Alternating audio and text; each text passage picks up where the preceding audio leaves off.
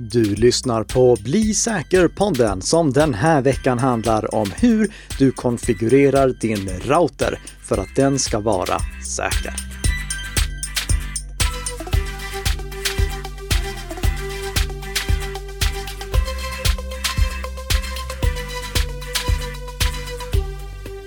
God morgon, god morgon Tess! Men god morgon, god morgon Nicka! Vilket spännande avsnitt vi har framför oss. Det har vi sannoliken. Vi ska prata om routersäkerhet. Och om några lyssnare tänker, men pratade ni inte om det förra veckan? Så jo, det gjorde vi. Då pratade vi om antivirus i routrar och jag lovade i princip att vi skulle följa upp det avsnittet med ett avsnitt som handlade om hur man konfigurerar sin router för att den ska vara säker, vilka inställningar som man ska ha i den. Oavsett om det finns något sånt här inom citationstecken router antivirus eller inte i den. Mm. Sen finns det kanske några andra lyssnare som tänker, men pratade ni inte om det här också i avsnitt 32 som ni spelade in för drygt två år sedan? Och jo, mycket riktigt, avsnitt 32 av Bli säker-podden som produceras i samarbete mellan Nika Systems och Bredband2 hade sju stycken tips kring vad man bör tänka på när man konfigurerar sin router. Och nu två år senare, då tar vi en tillbakablick på de tipsen och ställer oss frågan, håller de än idag? Ja, men innan vi gör det så har vi ju veckans snabbisar. Mm. Men vi har också en liten kommentar på förra veckans avsnitt. Ja. Ja, och det är från Marcus eh, som eh, skriver så här. Tack för en bra podd, lyssnar varje vecka. Det går att skapa en säkerhetskopia av Signal-chatten på Android.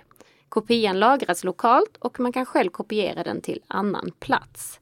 Jag gör det kontinuerligt på min enhet. Verkar inte kunna göras med iOS, vad jag kan läsa mig till. Stort tack för den eh, kompletteringen och eh, korrigeringen, Marcus, som eh, du la på förra veckans poddavsnitt i kommentarsfältet där. Det är alltid öppet för er lyssnare ifall ni vill gå in och diskutera. Mycket riktigt, jag, jag var helt insnöad på det här med cloud backup. Så ja, det, det missade jag helt och hållet. Det, alltså, jag framställde Signal sämre än vad det i själva verket är. Åh nej! Alltså, ja, Nej, men eh, stort tack Marcus för att du kompletterade med det. Självfallet så ska det rättas också. Så eh, om ni vill ta backup så kan ni göra det lokalt på er Android-mobil. Mm. Men då tycker jag vi kickar igång på riktigt. Ja. Vad har vi som en första snabbis? Först och främst så har Apple släppt eh, den senaste versionen av Mac OS som går under namnet Mac OS 12 eller Mac OS Monterey. Den versionen rullade ut i måndags och finns nu att installera på alla mackar som är kompatibla med Big Sur. Så om eh, man har gamla MacOS Big Sur, då går det att uppgradera till MacOS Monterey nu. Men precis som vanligt så brukar eh, jag rekommendera att man väntar tills det har kommit en liten uppdatering, för det brukar alltid finnas lite barnsjukdomar. Den versionen som släpptes eh, publikt, det var den versionen som hade nummer 12.0.1. Och jag skulle då rekommendera att man väntar till 12.0.2 eller 12.1 har släppts. Mm. Till skillnad från med iOS så håller ju Apple de tre senaste versionerna av MacOS säkra. Så det går att köra vidare på MacOS Catalina eller MacOS 10.15, MacOS Big Sur eller MacOS 11 eller MacOS Monterey MacOS 12. Mm. Så det är de som underhålls. Vi har tidigare gjort ett avsnitt kring vilka säkerhetsförbättringar som kommer i MacOS Monterey och som nu då är här. Där har vi bland annat de här nya integritetsvärnande funktionerna som iCloud Plus-abonnemanget medbringar. Alltså möjligheten att dölja sin e-postadress och eh, Private Relay, den här VPN-liknande tjänsten som eh, Apple börjar erbjuda till Safari-användare. När det gäller just möjligheten att eh, gömma sin e-postadress, då finns det tre stycken stora sådana tjänster nu. Det är Apples tjänst, det är DuckDuckGos tjänst och det är Mozillas tjänst.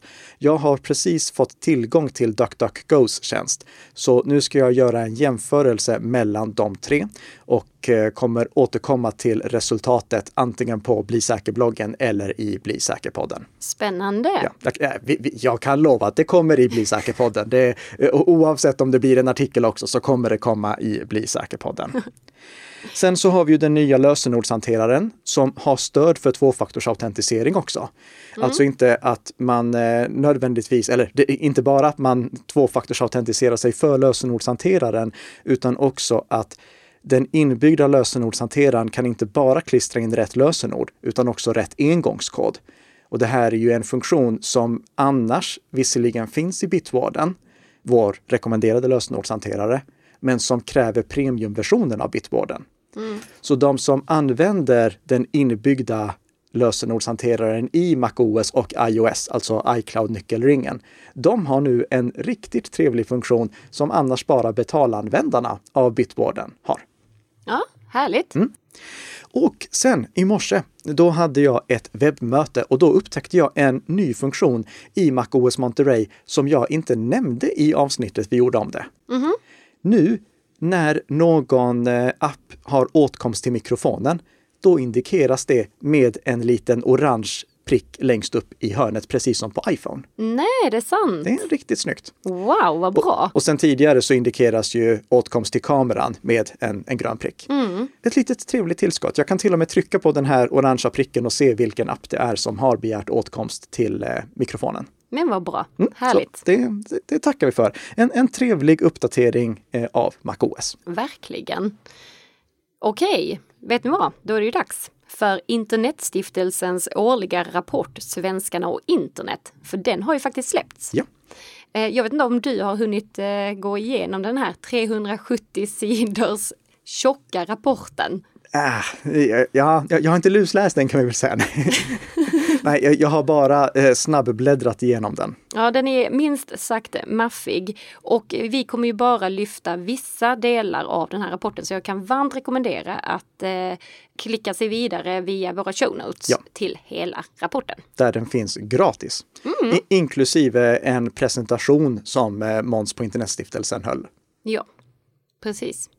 Ehm, och den här rapporten tar ju egentligen tempen på hur vi i Sverige använder internet. Och nu har det faktiskt i år tillkommit flera, flera delar. Det är väl därför den är så himla omfattande. Men jag kommer lyfta lite så här säkerhetsrelaterad statistik och integritetsrelaterad statistik i denna podden. Så då kör vi. Nätbedrägerier. Fyra av tio uppger att de har blivit utsatta för bedrägeriförsök på nätet under det senaste året. Och det visar sig också att de äldsta, närmare bestämt 20 och 30-talister, är mest oroliga men samtidigt de som är minst utsatta för bedrägeriförsök på nätet. Män drabbas oftare än kvinnor av bedrägeriförsök på nätet, men ändå så är det kvinnor som är mest oroliga. Stadsbor är också mer drabbade av bedrägeribrott, trots att de på landsbygden är mer oroliga. Unga är inte så oroliga för nätbedrägerier och har faktiskt drabbats i något lägre grad än genomsnittet. Mm, där ser man, så att eh, det stämmer inte helt överens med hur våra oroskänslor, rättare sagt. Vanligast förekommande är bluffmail med falsk avsändare, vilket cirka en tredjedel har drabbats av. Och en av tio har blivit kontaktade av en falsk kundsupport om problem med så här, åh, du har problem med din dator. Vad vi kan se. 5% uppger att de har blivit utsatta för hot eller utpressning, det vill säga utpressningsmail till exempel, och har varit så, åh, vi har hackat in i din webbkamera och så vidare. Ja. Nu kommer vi till integriteten.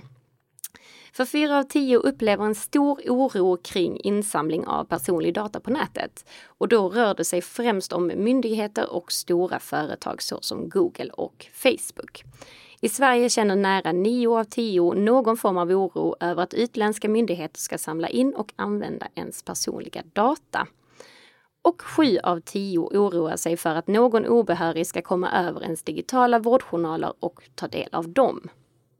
Det är ganska ändå Det, jobbigt. ja, det kanske hänger ihop med den här attacken mot eh, finska Vastamo eh, som blev utpressningskrypterade och där eh, ja, angriparna sen hotade med att läcka journalerna som de hade kommit över och faktiskt läckte flera av dem. Just det.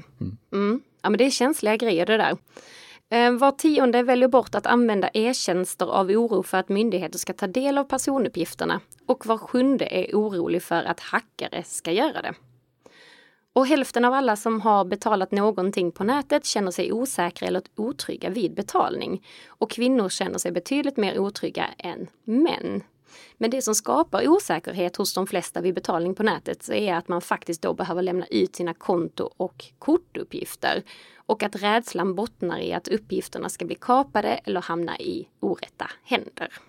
Och det, det är ju bra att man funderar i de banorna eh, så att man inte knappar in sina kortuppgifter på vilken webbplats som helst. Ja men precis. Sen har ju lyckligtvis eh, den här eh, 3D Secure-lösningen som gör att man måste godkänna transaktioner via till exempel mobilt bank-id gjort att det har blivit säkrare. Men vi rekommenderar ju ändå att eh, ja, gärna ha ett eh, separat kort för att handla på nätet. Mm. Ja, för att här är det inte heller bara, ja men köp bara på faktura. Det är kanske inte heller själva lösningen här. Det, ja, det är ju ett sätt att minimera risken att välja faktura istället. Mm. Men då har vi ju problemen som det skrevs om för en eller två veckor sedan. Det var SvD, Svenska Dagbladet, som gjorde en jättegranskning kring hur Qliro använde den datan som de fick tillgång till för att sedan skicka ut marknadsföring. Det var någon som hade testköpt en mascara hos, eh, vad heter den här influensen? Um, Bianca Ingrosso? Precis. Ja. Köpt en mascara där och sen fått eh, massvis av låneerbjudanden skickat till sig. Och det, det är ju någonting man ska tänka på att när man väljer att liksom köpa på faktura via någon sån här tredjepartslösning, då lämnar man ju över personuppgifter också eh, och uppgifter de köper till till exempel Qliro eller till Klarna. Mm. Så det kan ha en, eh, en säkerhetsmässig fördel. Det kan vara tryggare att handla på det sättet, men det kan ha en integritetsnackdel samtidigt. Ja, Ja, och det är ju faktiskt så att flera av de här respondenterna uppger även oro för att obehöriga ska kunna ta del av just deras personuppgifter. Mm. Mm. Och en sista grej. 3% har handlat kryptovaluta. Det var betydligt fler än vad jag hade räknat med. Ja, vad tänkte du? Jag, jag, vet, jag vet inte vad jag tänkte, men jag tänkte inte liksom att 3% har eh, liksom köpt någonting med kryptovaluta eller antingen köpt en kryptovaluta i sig eller använt den för att handla någonting. Det, jag trodde inte det var så populärt. Nej, nej. Det, Spännande. Men det är därför vi eh, uppskattar den här rapporten så mycket varje år, för det Mm. finns så mycket intressant statistik som den bidrar med. Ja men oh ja, vi hade kunnat sitta här i timmar egentligen Nika om vi skulle eh, gått igenom hela rapporten. Ja, Mm. och det hinner vi ju inte i och med att det här bara var veckans snabbis. Exakt. Så då kör vi sista snabbisen då Nika. Ja, och det är att Microsoft Teams får stöd för end-to-end kryptering med en liten asterisk efter. Och vi uppskattar ju all kommunikation som är end-to-end krypterad och när nu Microsoft Teams får stöd för det så innebär det att inte ens Microsoft kan avlyssna de samtal och videosamtal som sker end-to-end krypterat. Precis som med Signal som vi pratade om tidigare, det är krypterat hela vägen. Men det, det, det är inte så att eh, allting blir end-to-end krypterat. För det första, det här är en funktion som nu är i det som kallas public preview. Det är inte påslaget som standard i organisationer utan den som ansvarar för organisationen måste slå på det. Det möjliggörs enbart i direktsamtal mellan två personer. Så det går inte att ha end-to-end krypterade gruppsamtal utan det är bara ja, två personer som pratar med varandra. De kan aktivera det. Och när de gör det, då kommer deras tal och video att vara end-to-end krypterat. Men meddelanden och bilagor som skickas är det däremot inte. Det, det är fortfarande krypterat, alltså det, det, är en krypterad anslutning så att inte angripare kan avlyssna informationen. Eh, precis som det alltid är med Teams. Ja. Men det är inte end-to-end krypterat. Det är inte krypterat så att inte Microsoft inte kan komma åt det. Okej. Men det ser eh, ja, bra ut överlag. Jag hoppas att det kommer någon teknisk rapport kring hur det är konstruerat inom kort också. Men eh, utseendemässigt ser det ut att fungera så som det ska, även om jag självfallet hade uppskattat att ett, all information var end-to-end krypterad och två, att det var påslaget som standard. Men nu finns i alla fall möjligheten för de organisationer som vill vara med och testa att låta sina medarbetare slå på det. Och då kommer det att indikeras i själva Teams-appen och det kommer också visas en 20-siffrig kod för de som pratar i samtalet så att de kan se att det är end-to-end krypterat. Eh, tanken är att liksom, den ena parten kan läsa upp ena halvan av det här numret och sen kan andra parten läsa upp andra halvan och på så sätt kan de säkerställa att det inte finns någon person in the middle. Alltså att de har råkat upprätta en krypterad anslutning till en person som avlyssnar allt och som i sin tur har upprättat en krypterad anslutning till nästa person. Mm.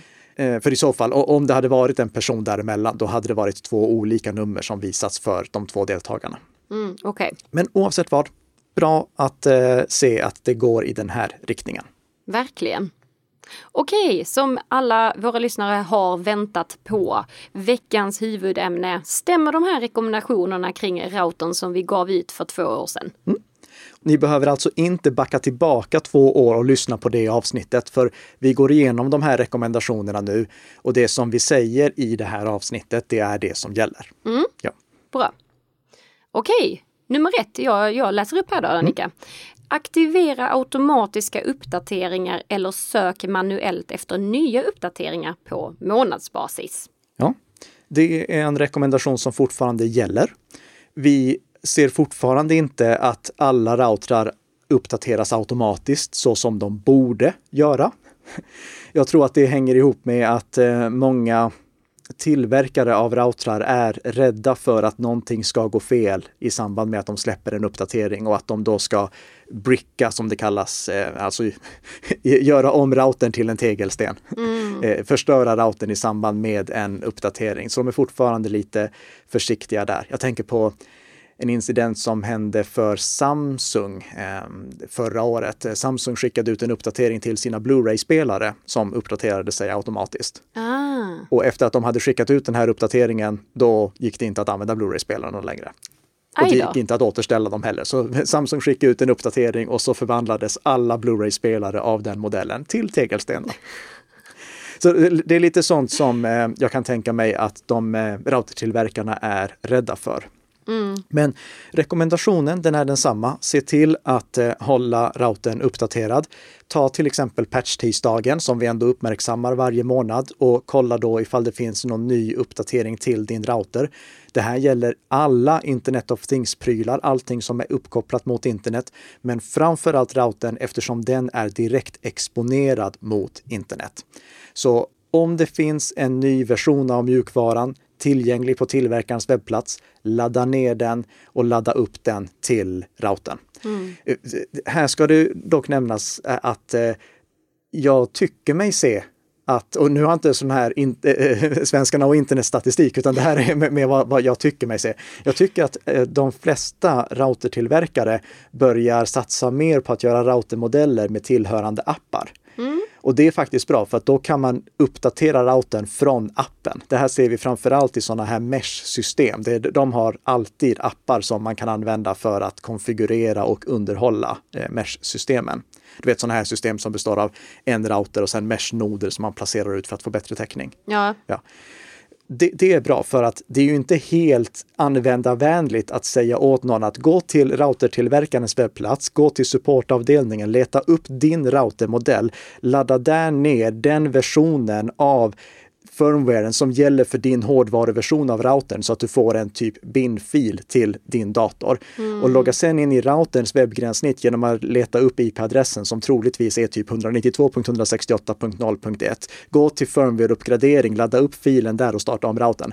Det, det, det. det låter otroligt omständigt. Ja, Mm. Så eh, det är bra att de har börjat fixa mer med eh, eh sådana här appar. Men överlag, kom ihåg, håll routern uppdaterad. Om routern inte har fått säkerhetsuppdateringar på ett år, då är det ett tecken på att den behöver bytas ut. Ja. För det brukar behöva säkerhetsuppdateringar åtminstone en gång per år. Okej. Det stämde alltså, den första punkten? Den, den, den första punkten, eh, uppdatera routern, den stämmer. Härligt. Då kör vi nummer två. Byt ut eventuella standardlösenord till administrationsgränssnitt och trådlösa nätverk. Ja, och den stämmer också. Mm. använd aldrig standardlösenorden, använd aldrig admin. Kom ihåg den allitterationen, använd aldrig admin.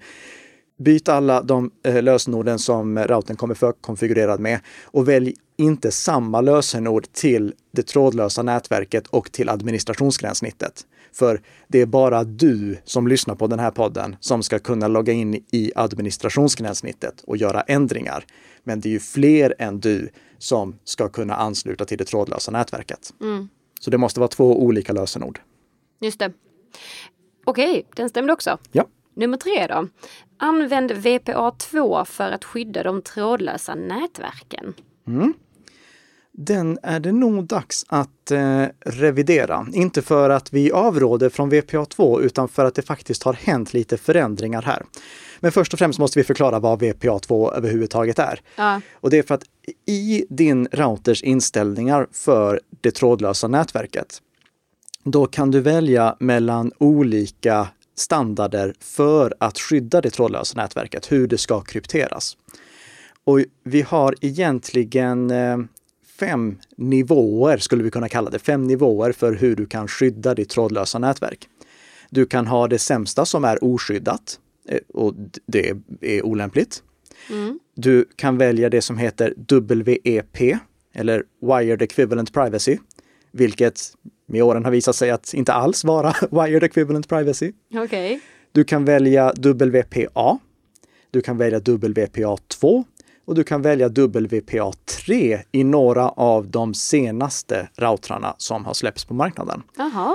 När vi spelade in det här förra avsnittet, då hade VPA, jag, jag orkar inte säga W, då hade VPA 3-standarden faktiskt spikats, men den hade inte börjat dyka upp i så många produkter än. Nu har den faktiskt börjat göra det. Och det gör att vi skulle kunna omformulera den här rekommendationen till använd VPA2 eller VPA3 för att skydda de trådlösa nätverken. Det som är essensen i den här rekommendationen, det är att inte använda någon av de tre lägsta nivåerna, alltså oskyddat WEP eller WPA.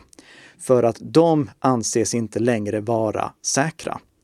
Och faktum är att ifall du kör en eh, Windows 10-dator, då kommer den att varna dig för att du ansluter till ett osäkert nätverk ifall du ansluter till ett nätverk som stödjer WPA.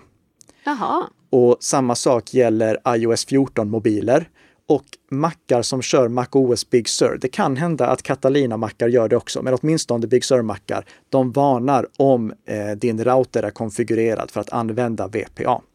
Och det gäller även ifall routern är konfigurerad att använda det som kallas VPA VPA2 Mixed Mode. När VPA2 lanserades, då var det av förklarliga skäl inte alla produkter som stödde VPA2. Och du kan inte ha en högre nivå än vad den lägsta produkten stödjer. Alltså om du säger att min router ska bara stödja VPA2, då kan inte några prylar som enbart stödjer VPA ansluta. Så för att få till en snygg övergång, då hade routrarna det som kallades VPA, VPA2 Mixed Mode. Och då kunde både VPA eh, datorer, VPA mobiltelefoner ansluta och VPA2 mobiler och VPA2 datorer ansluta. Men eftersom det är minsta gemensamma nämnaren så anses det här också vara ett osäkert nätverk i eh, Windows och i Apple eftersom om nätverket överhuvudtaget stödjer VPA, då skulle en eh, dator kunna luras till att ansluta med bara WPA. Mm. Så VPA2 som minst, inte mixed mode utan bara VPA2 som minst, det är den rekommendation som gäller idag. Då får man inga varningar på sin dator eller mobil heller. Men nu när VPA3 har kommit, då skulle man faktiskt kunna gå upp till det. Och VPA3, det är precis som nu i övergången mellan VPA och VPA2 som var i början av 00-talet. Nu har vi den här övergången mellan WPA2 och WPA3. Ursäkta att jag blandar W och vanlig, V- alltså jag menar Jag dubbel... tror man hänger med. Ja, bra. Ja, bra. Eh, version 2 och version 3. så ja. Ja. För eh, det är ju inte alla enheter som stöder eh, VPA3 än. Faktum är det är inte många befintliga routrar som gör det. Många nya routrar gör det, men inte ens alla nya routrar stödjer det. Och det är inte alla datorer, mobiler och surfplattor som gör det. Om man har en dator som kör Windows 10 med som lägst version 2004 och kompatibel hårdvara, då kan man ha stöd på sin dator för VPA3. Eh, samma sak med Windows 11. iPhone fick stöd för det i samband med iPhone 7 och Macar fick stöd för det 2013. Mm. Android-mobiler, de fick stöd 2000 bra, 2000 bra fråga. Eh, de fick stöd för det i samband med släppet av Android 10, men det är bara vissa mobiler som har stöd för det. Det är inte alla mobiler som har stöd för det bara för att de kör Android 10. Mm. Om man då på sin router väljer att köra VPA3, då kan man dra nytta av de fördelar som VPA3 ger för de kompatibla enheterna. Och det är till exempel det vi kallar forward secrecy. Om vi säger att en angripare spelar in all den eh, krypterade data som överförs i luften och den överförs med VPA2, då kan en angripare som sen en dag senare lyckas knäcka lösenordet till nätverket dekryptera all data som har skickats. Men med VPA3 och Forward Secrecy så går det inte. Då kan angriparen bara se det som kommer från och med att angriparen mm. lyckas knäcka det. Okej. Okay. Så det är en, en bra förbättring med VPA3. Mm. Det läget som vi då rekommenderar, det är om man har en router som bara stöder VPA2, kör VPA2 endast. Ibland så kallas det VPA2 AES only. Om du har en router som stöder VPA3, då skulle jag rekommendera VPA2 och VPA3 Mixed Mode. För det finns garanterat fortfarande enheter i hemmet som inte stöder VPA3. Till exempel någon nätverkskamera eller något sånt. Mm. Och, och sen när vi kanske gör en uppföljning om ytterligare två år, då tror jag vi kommer kunna höja rekommendationen till endast VPA3. Ja. Men just nu, VPA2 som minst, gärna VPA2, VPA3 Mixed Mode, som inte heter Mixed Mode i det här sammanhanget, utan nu heter det VPA2, VPA3 Transitional istället. Ooh, all right. ja. En uppdatering där också. Mm. Okej, då kör vi nummer fyra. Skapa ett gästnätverk som gäster och mindre pålitliga smarta hemprodukter kan ansluta till. Ja, det var en rekommendation som vi gav i förra veckans poddavsnitt också. Mm. Det som vi skulle kunna komplettera med här, det är ju att du behöver inte ha en router med sånt här antivirus som routertillverkarna kallar det för att få skyddet mot eh, skadliga webbplatser och skadliga domäner.